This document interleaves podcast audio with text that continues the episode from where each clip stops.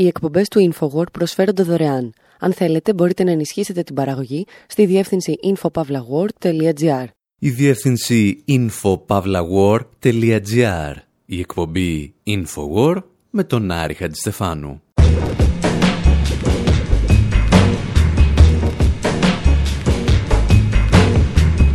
Όπου σήμερα αναρωτιόμαστε εάν το Hollywood μπορεί να δώσει 100 εκατομμύρια δολάρια για να φέρει στη μεγάλη οθόνη το βιβλίο ενός σεσημασμένου κομμουνιστή συγγραφέα σε σενάριο ενός σεσημασμένου κομμουνιστή σεναριογράφου και η ταινία να αφορά τη ζωή ενός μεγάλου επαναστάτη. Θυμόμαστε ίσως την πιο συγκλονιστική ιστορία από τη ζωή του Κέρκ Ντάγκλας, ο οποίος μας άφησε χρόνους αφού πρώτα διέλυσε το μακαρθισμό. Ακούμε ιστορίες των Μετάλλικα για έναν Τζόνι που πήρε το όπλο του και έναν Μπέρτολτ που κάπνιζε το πουρο του. Φωνάζουμε όλοι μαζί «Εγώ είμαι ο Σπάρτακος», αν και γνωρίζουμε ότι ορισμένοι δεν το εννοούν. Yeah. Come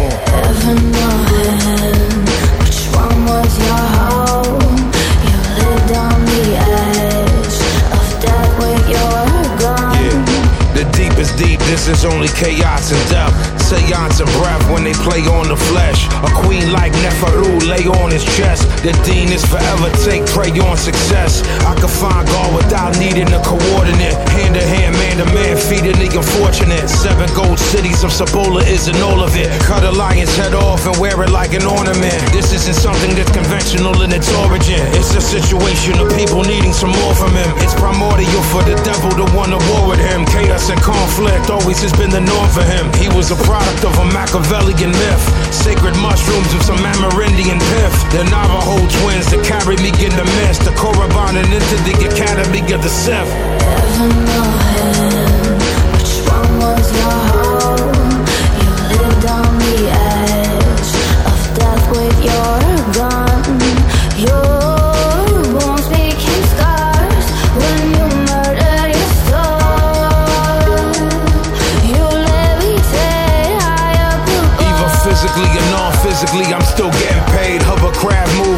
Podcast like an escalator, never glaze. Wise man only reminisce over better days. Roasted lamb legs, served with teriyaki marinade. My like Stanley when he was directing Spartacus. I was getting drowned in the dark abyss. Now I'm like an arsonist. Fill your fucking body up with cartridges and catching up homies that'll open up an orphanage. And they don't know the father is a product of the rules. And silently and vitally inviting you to lose. The truth you're looking for isn't seen in the world news. It shouldn't have effect on the healings that y'all choose.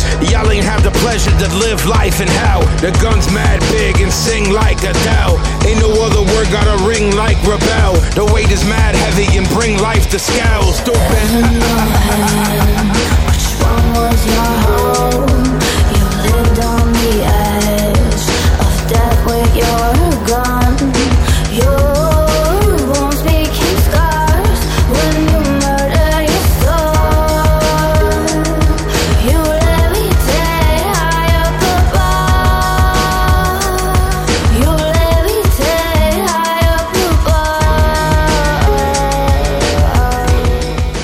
Jedi Mind Tricks τραγουδούν το In the Coldness of a Dream και σε ό,τι μας αφορά τραγουδούν για τα γυρίσματα της ταινίας Σπάρτακος από τον Stanley Kubrick.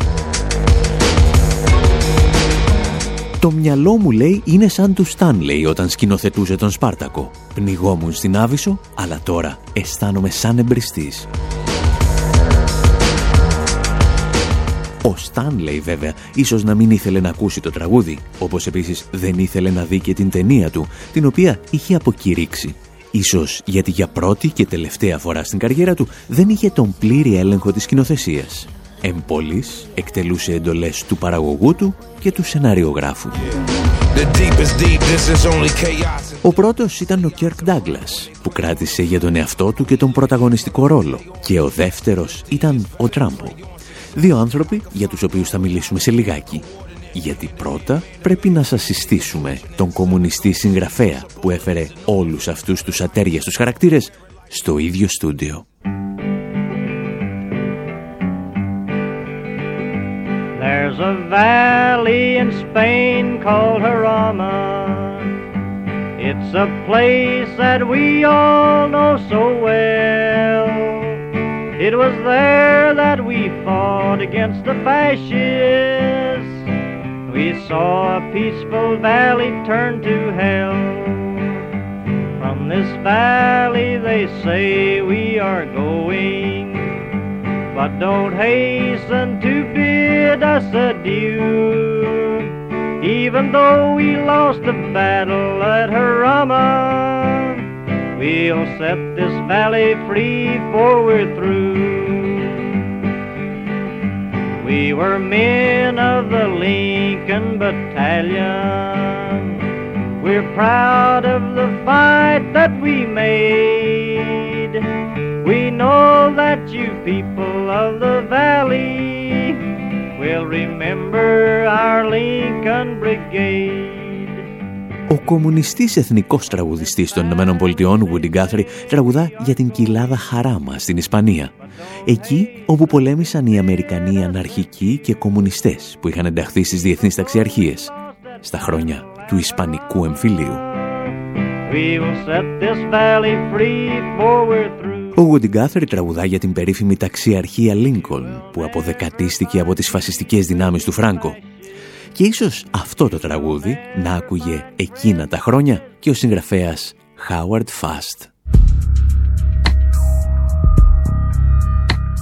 Ο Φάστ είχε ενταχθεί από το 1950 στο Κομμουνιστικό Κόμμα των Ηνωμένων Πολιτειών και ανάμεσα σε άλλες ασχολίες του βοηθούσε ένα ίδρυμα το οποίο φρόντιζε τα ορφανά της ταξιαρχίας Λίνκολν. Το Αμερικανικό κράτος όμως, που στα χρόνια του Ισπανικού εμφυλίου φλέρταρε περισσότερο με το φασισμό, τον μπουζούριασε και τον έφερε μπροστά στην διαβόητη Επιτροπή Αντιαμερικανικών Ενεργειών, την Επιτροπή του Γερουσιαστή Μακάρθη. We're not going to take a lecture from a man who refuses to state whether he's a member of the Communist Party as of this moment. Ο ίδιος ο Μακάρθη, τον οποίο ακούμε εδώ, εξηγεί στον Howard Fast ότι δεν πρόκειται να ανεχθεί να του βγάζει λόγο κάποιος που αρνείται να δηλώσει στην Επιτροπή εάν είναι μέλος του Κομμουνιστικού Κόμματος των Ηνωμένων Πολιτειών. Και για να του δώσει να καταλάβει ότι δεν αποτελούσε κάθε λέξη από το Σύνταγμα των Ηνωμένων Πολιτειών, ο Μακάρθη έστειλε τον συγγραφέα μας για τρεις μήνες στη φυλακή.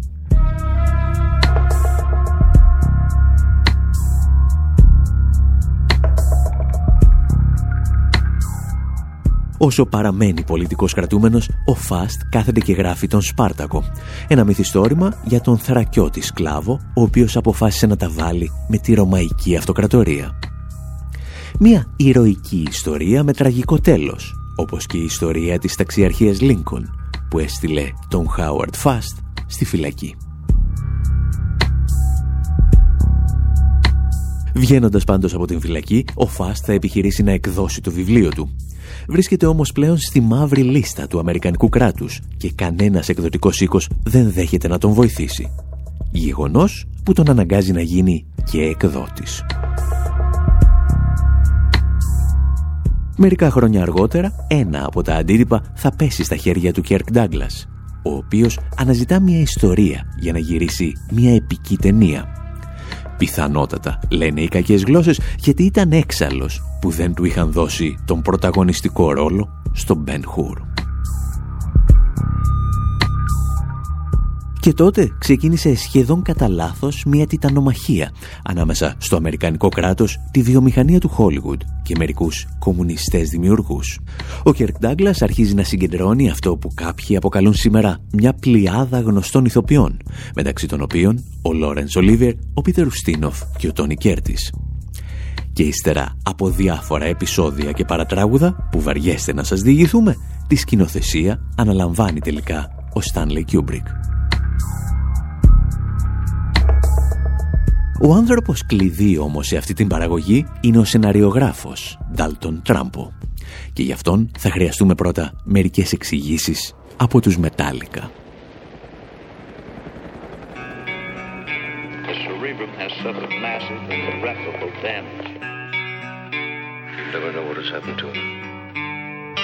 Had I not been sure of this, I would not have permitted him to live.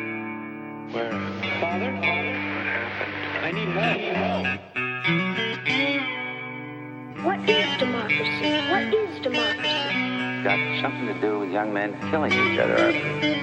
When it comes my turn, will you want me to go? For democracy, any man would give his only begotten son.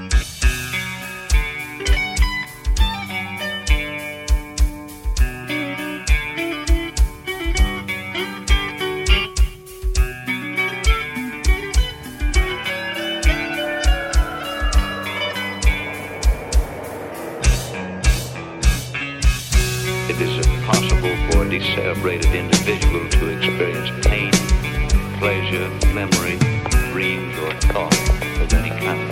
This young man will be as unfeeling, as unthinking as the dead until the day he joins them.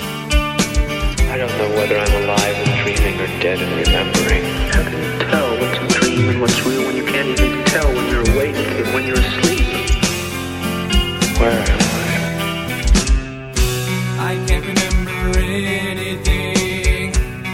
tell this is true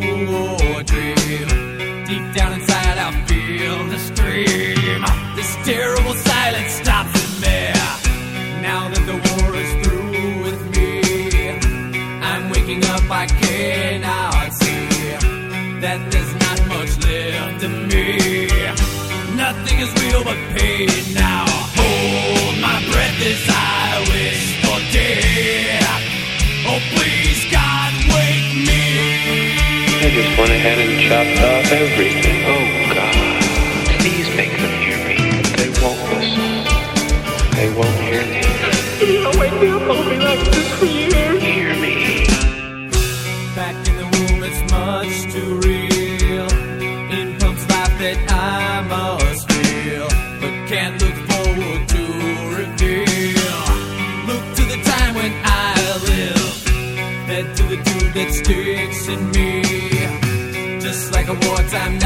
Novelty.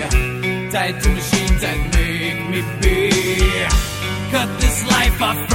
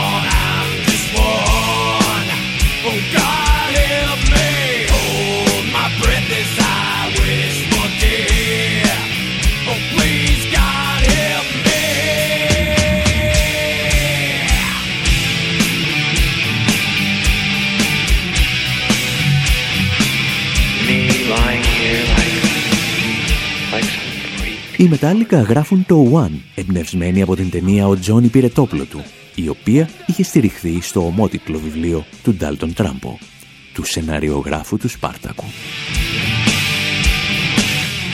Ο Τράμπο, όπως και ο συγγραφέας του Σπάρτακου, ήταν μέλος του Κομμουνιστικού Κόμματος των Ηνωμένων Πολιτειών και δεν τράπηκε ποτέ γι' αυτό. Η δράση του και οι απόψεις του όμως θα τον φέρουν σύντομα ενώπιον της Επιτροπής Αντιαμερικανικών Υποθέσεων του γερουσιαστή Μακάρθη. Και αν δείτε την φωτογραφία από εκείνη την ημέρα, ίσως να προσέξετε ότι ακριβώς πίσω του κάθεται ένας κοντοκουρεμένος κύριος με στρογγυλά γυαλιά και ένα πουρο στο στόμα. Κάποιος Μπέρτολ Μπρέχτ. Όπως μπορείτε να υποθέσετε, εάν αυτό συνέβαινε σήμερα, κάποιος Ρουφιάνος θα καλούσε το 1142 και ο Μπρέχτ θα κατέληγε και ενώπιον της Επιτροπής Αντικαπνιστικών Υποθέσεων.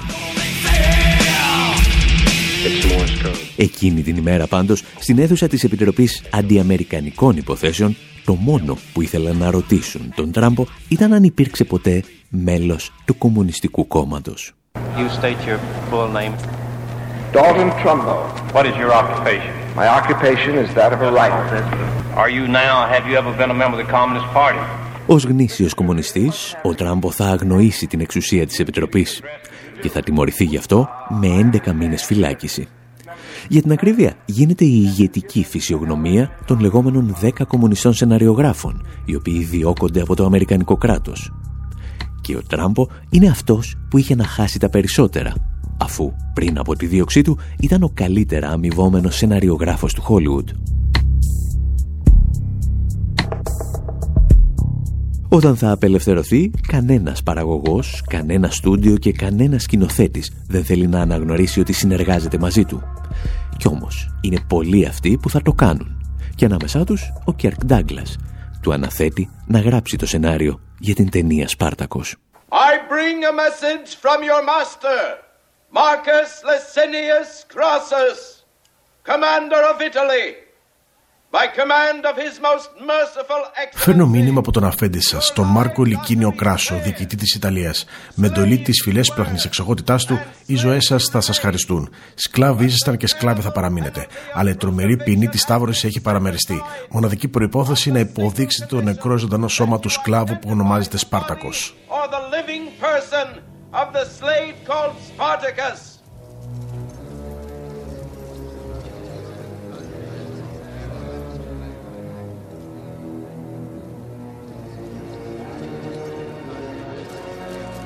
I'm Spartacus! I'm Spartacus!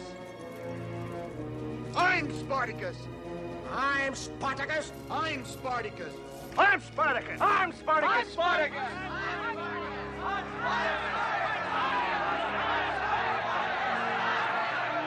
Όταν πλέον γυρίζεται η περίφημη σκηνή των εξεγερμένων σκλάβων που φωνάζουν «Εγώ είμαι ο Σπάρτακος» για να προστατεύσουν τον αρχηγό της επανάστασής τους, όλοι καταλαβαίνουν ποιοι είναι οι σκλάβοι και κυρίως ποια είναι η Ρωμαϊκή Αυτοκρατορία, το Αμερικανικό Ιμπέριουμ του 20ου αιώνα.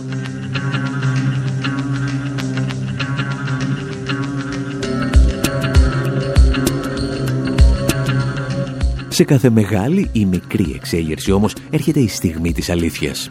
Και για τον Κέρκ Ντάγκλας ήρθε τη στιγμή που κάθισε μαζί με τον Στάνλεϊ Κιούμπρικ να ετοιμάσουν τους τίτλους τέλους της ταινίας. Οι κακές γλώσσες λένε ότι ο Κιούμπρικ που δεν χώνεψε ποτέ τον Τράμπο πρότεινε να υπογράψει αυτός και το σενάριο. Ο Κέρκ Ντάγκλας όμως εξοργίστηκε από αυτή την ιδέα και την μικροπρέπεια του Στάνλεϊ. Σήκωσε λοιπόν το τηλέφωνο και κάλεσε τους σεκιουριτάδες στην είσοδο του στούντιο. «Αύριο το πρωί», τους είπε, «θέλω να έχετε εκδώσει μια άδεια εισόδου για τον σεναριογράφο της ταινίας μου, τον κύριο Τράμπο». Αρκετά χρόνια αργότερα ο Κέρκ Ντάγκλας θυμόταν εκείνη την απόφαση όταν μιλούσε για τον Τράμπο. Τον άνθρωπο που έγραφε τα σενάρια τα οποία δεν μπορούσε να υπογράψει. He was writing all the time, but always under a false name. And the hypocrisy of that Έγραφε συνέχεια, αλλά με ψευδόνυμο και η υποκρισία αυτής της κατάστασης με ενόχλησε. Οπότε είπα: Κοιτάξτε, θέλω να χρησιμοποιήσω τον Τράμπο και επιμένω να χρησιμοποιήσω το όνομά του. Είχα πολλές αντιδράσεις από το στούντιο, αλλά εν τέλει είπα πως δεν θα κάνω την ταινία αν δεν μπορέσουμε να χρησιμοποιήσουμε το όνομά του. Τελικά το χρησιμοποιήσαμε και δεν ήρθε το τέλος του κόσμου. Μετά από αυτό, με περηφάνεια μπορώ να πω ότι έσπασε ο αποκλεισμός και όλοι ξεκίνησαν να χρησιμοποιούν τα ονόματα των ανθρώπων που μέχρι τότε ήταν άδικα στη μαύρη λίστα. Στα αλήθεια, τότε δεν κατάλαβα τη σημασία αυτού που έκανα, όπως πολλά πράγματα που κάνουμε στη ζωή. Ήταν πολύ αργότερο όταν κατάλαβα τη σημασία του.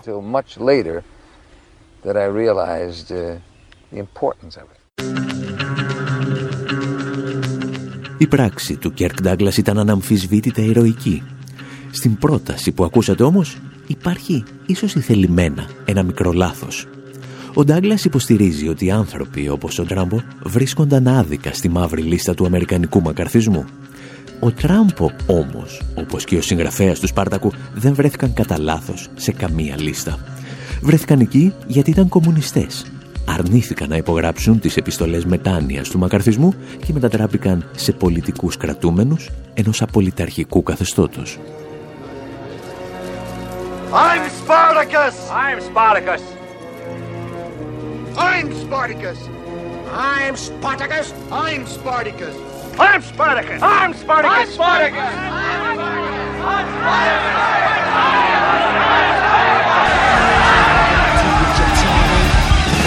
You won't do what you tell me. Fuck you, I won't do what you tell me. Fuck you, I won't do what you tell me. Fuck you, I won't do what you tell me. Fuck you, I won't do what you tell me. Fuck you, I won't do what you tell me. Fuck you, I won't do what you tell me.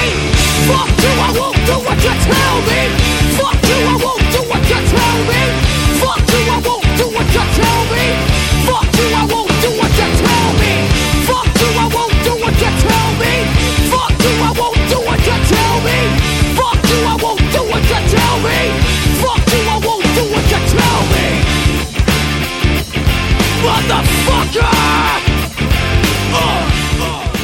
Για την ιστορία, όταν πλέον ο Κέρκ Ντάγκλας είχε βγάλει τα κάστανα από τη φωτιά, ήρθε και ο Αμερικανός πρόεδρος Τζον Κένεντι να πάρει ο λίγον από τη δόξα του. Όταν ο Σπάρτακος άρχισε να προβάλλεται σε κινηματογράφους, ομάδες ακροδεξιών αντικομουνιστών συγκεντρώνονταν έξω από τις αίθουσες για να πραγματοποιήσουν πικετοφορίες. Ο πρόεδρος όμως αποφάσισε να περάσει ανάμεσά τους για να δει την ταινία. Η μαύρη λίστα του Hollywood ήταν πλέον οριστικά νεκρή με τη σύμφωνη γνώμη και του Λευκού Οίκου. Πλέον όμως το να χτυπάς τον γερουσιαστή Μακάρθη ήταν μια μόδα και όλοι ήθελαν να λένε ότι κάποτε υπήρξαν και αυτοί Σπάρτακοι. Όπως λόγου χάρη μερικά χρόνια αργότερα, οι Monty Python έλεγαν ότι εγώ είμαι ο Μπράιαν για να γλιτώσουν τη Σταύρωση. I have an order for his release. Uh, I'm Brian of Nazareth. What? Yeah, I- I'm Brian of Nazareth. Take him down. I'm Brian of Nazareth. I'm Brian. I'm Brian. I'm Brian. Εσείς πάλι μένετε εδώ, γιατί ύστερα από το μικρό μας διάλειμμα επιστρέφουμε με περισσότερες ιστορίες. Από αυτές που βρίσκεται πάντα και στη διεύθυνσή μας info.pavlawar.gr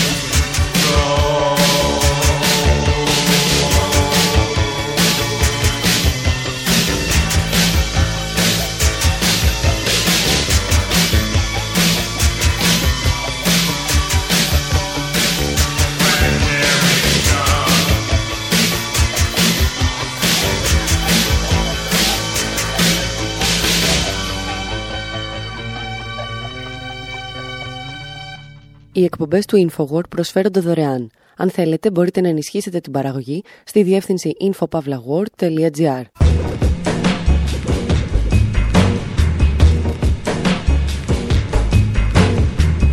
Θέλουμε να σας μιλήσουμε για έναν μαύρο ήρωα για τον οποίο μας τραγουδούν πρώτα οι Manic Street Preachers.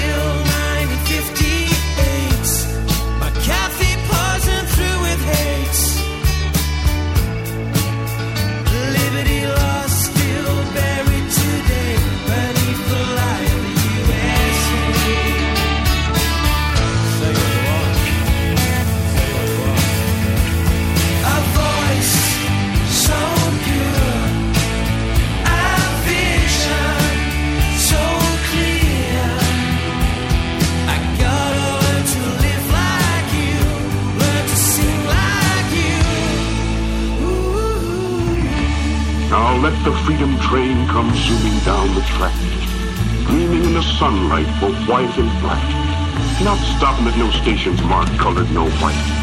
Just stopping in the fields in the broad daylight. Stopping in the country in the wide open air, where there never was a Jim Crow sign nowhere. And no living white committees, politicians of note, nor poll tax mayors to which color can't vote. And there won't be no kind of color line. The freedom train will be yours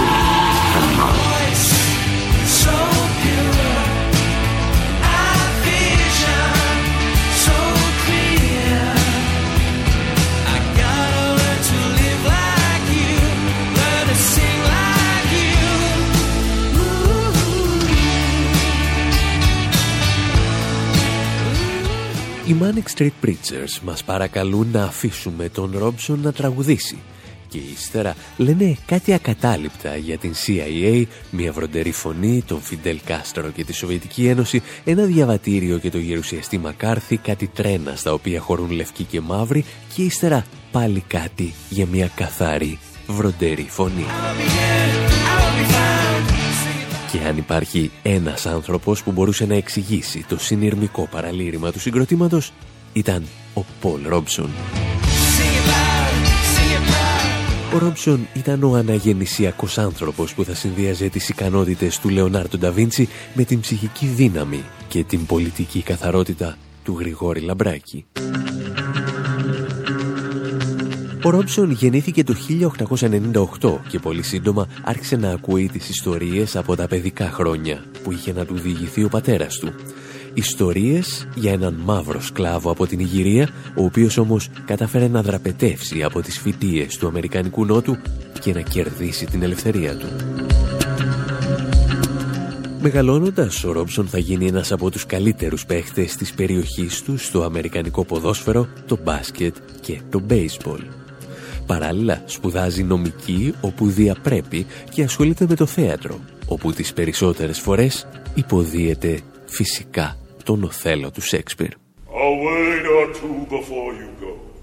I have done the state some service. Ο χώρος όμως στον οποίο πραγματικά θα διακριθεί και θα γίνει αναγνωρίσιμος ο μαύρος καλλιτέχνης θα είναι το τραγούδι. Και όταν ήταν νέος ακουγόταν κάπως έτσι. There's an old man called the Mississippi. That's the old man that I'd like to be. What does he care if the world's got troubles?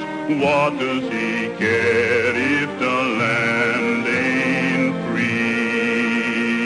Το συγκεκριμένο τραγούδι υποθέτουμε ότι σας αφήνει λογικά αδιάφορους εάν δεν έχετε αλλάξει ήδη σταθμό. Προσπαθήστε όμως να φανταστείτε αυτή τη στεντόρια φωνή να απαντά στους ανακριτές του γερουσιαστή Μακάρθη όταν κατηγορούσαν τον Ρόμψον ότι είναι κομμουνιστής.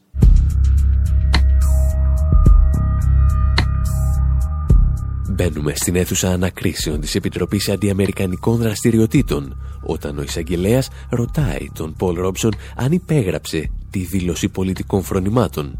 Τη δήλωση ότι δεν είχε καμία σχέση με το Κομμουνιστικό Κόμμα. In July of 1954, were you requested to submit a non-communist affidavit? Under no conditions would I think of signing such an affidavit. It is a contradiction of the rights of American citizens. Are you now a member of the Communist Party? Oh, please, please, please. Please answer, William. Δεν θα υπέγραφα ποτέ μια τέτοια δήλωση, εξηγεί ο Ρόψον. Και αν θέλετε, λέει, να μάθετε αν είμαι μέλος του Κομμουνιστικού Κόμματος, θα πρέπει να έρθετε όταν ψηφίζω και να ανοίξετε την κάλπη για να δείτε. Ο Ρόψον κάνει εκείνη τη στιγμή χρήση της πέμπτης τροποποίησης του Αμερικανικού Συντάγματος για να προστατεύσει τον εαυτό του από τον παραλογισμό του Αμερικανικού κράτους. Όταν όμως πρέπει τελικά να απαντήσει τι πιστεύει για τον κομμουνισμό, καθαρίζει το λαιμό του και λέει τα εξής. Κύριοι, καταρχήν, όπου και αν ταξίδεψα στον κόσμο, οι πρώτοι που πέθαναν στη μάχη απέναντι στο φασισμό ήταν οι κομμουνιστές. Εναπόθεσα πολλά στεφάνια επάνω σε τάφους κομμουνιστών και αυτό δεν είναι έγκλημα. Είμαστε όμως σίγουροι ότι θα θέλατε να ακούσετε και τον ίδιο να σας τα λέει. You are directed to answer, Mr. Gentlemen, Robson. In the first place, wherever I have been in the world, the first to die in the struggle against fascism were the communists. I laid many wreaths upon the graves of communists. That is not criminal. Εάν τώρα αναρωτιέστε πως το καλύτερο παιδί της τάξης και ο καλύτερος φοιτητής, ποδοσφαιριστής, μπασκετμπολίστας, μπέισμπολίστας, ηθοποιός και τραγουδιστής καταλήγει μαζί με κάτι άλλους κομμουνιστές στο εδόλιο της Επιτροπής Αντιαμερικανικών Δραστηριοτήτων, η απάντηση είναι μία. Ισπανικός εμφύλιος.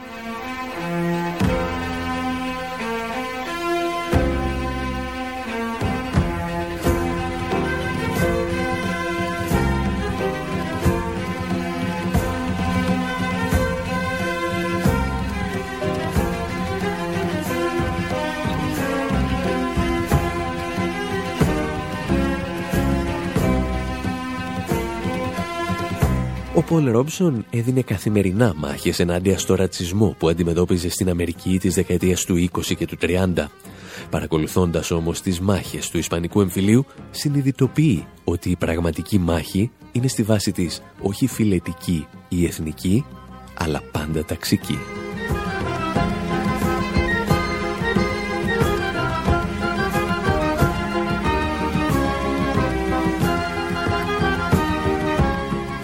Ο Ρόμψον θα ταξιδέψει τελικά και στην ίδια την Ισπανία για να εμψυχώσει τους Ισπανούς μαχητές αλλά και τα μέλη των διεθνών ταξιαρχιών. Φτάνει όμως όταν και ο ίδιος γνωρίζει πολύ καλά ότι η νίκη του Φράνκο και η ήττα των κομμουνιστών και των αναρχικών είναι πλέον βέβαια. Ο Ρόμψον θα ταξιδέψει πολλές φορές στην Ευρώπη και κυρίως στη Βρετανία, όπου τραγουδά για τα μέλη συνδικάτων. Θα περάσει από την ναζιστική Γερμανία, όπου αντιλαμβάνεται το μέγεθος της απειλής για ολόκληρο τον πλανήτη. Και θα καταλήξει στη Σοβιετική Ένωση, ύστερα από πρόσκληση του Eisenstein. Στη Σοβιετική Ένωση, που όπως έλεγε ήταν η πρώτη χώρα στην οποία δεν αισθάνθηκε πια νέγρος, αλλά άνθρωπος. Με τέτοιες ιδέες που κουβαλούσε βέβαια, το πέρασμά του από τις επιτροπές του μακαρθισμού ήταν κάτι περισσότερο από αναμενόμενο. Ήταν βέβαιο, αλλά και ένας τίτλος τιμής. Εσείς μένετε εδώ, γιατί ύστερα από ένα μικρό διάλειμμα συζητάμε και για ανθρώπους που δεν στάθηκαν με τόση αξιοπρέπεια απέναντι στις επιτροπές του μακαρθισμού.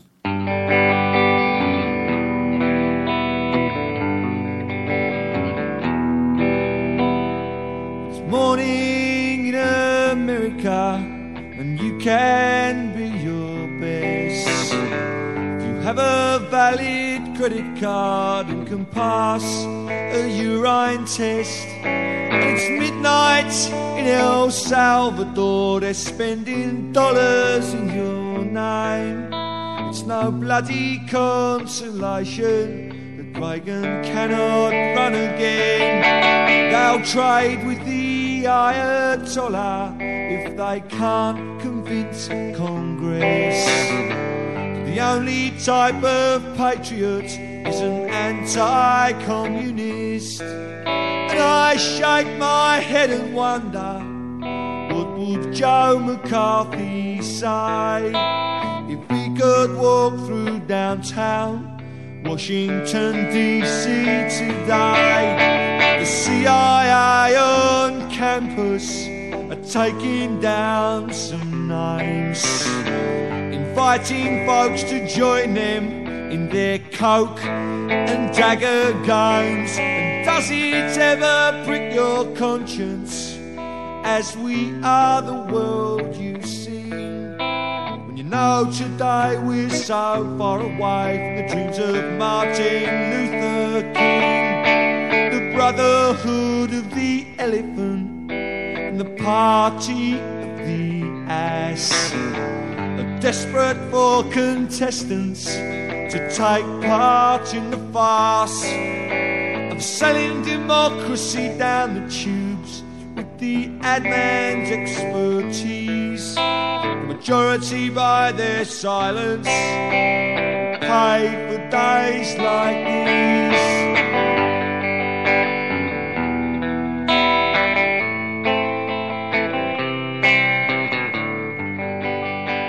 Billy Bragg, με τον οποίο είχα την τεράστια τιμή να τσακωθώ στο Twitter για το Brexit, τραγουδά για την Αμερική της δεκαετίας του 80. Είναι η στιγμή, όπως λέει, που ο Ρόναλντ Ρέγκαν δεν μπορεί να ξανακατέβει στις εκλογές και εσύ έχεις στα χέρια σου μόνο μία πιστοτική κάρτα. Ο Μπίλι Μπραγκ αναρωτιέται τι θα σκεφτόταν ο γερουσιαστής Μακάρθη αν περπατούσε για λίγο στους δρόμους της Ουάσιγκτον. Τραγουδά για την επιστροφή του αντικομουνισμού και την αναζωπήρωση του ψυχροπολέμου στα χρόνια του Ρίγκαν. Εμείς εδώ όμως έχουμε ακόμη κάτι ανοιχτούς λογαριασμούς με τις επιτροπές αντιαμερικανικών δραστηριοτήτων της δεκαετίας του 50. Πρέπει να σας θυμίσουμε και εκείνες τις ιστορίες από την τηλεοπτική σειρά με τον Ρομπέν των Δασών, όπου οι κομμουνιστές δεν κρύβονταν στα δάση, αλλά στους τίτλους αρχής.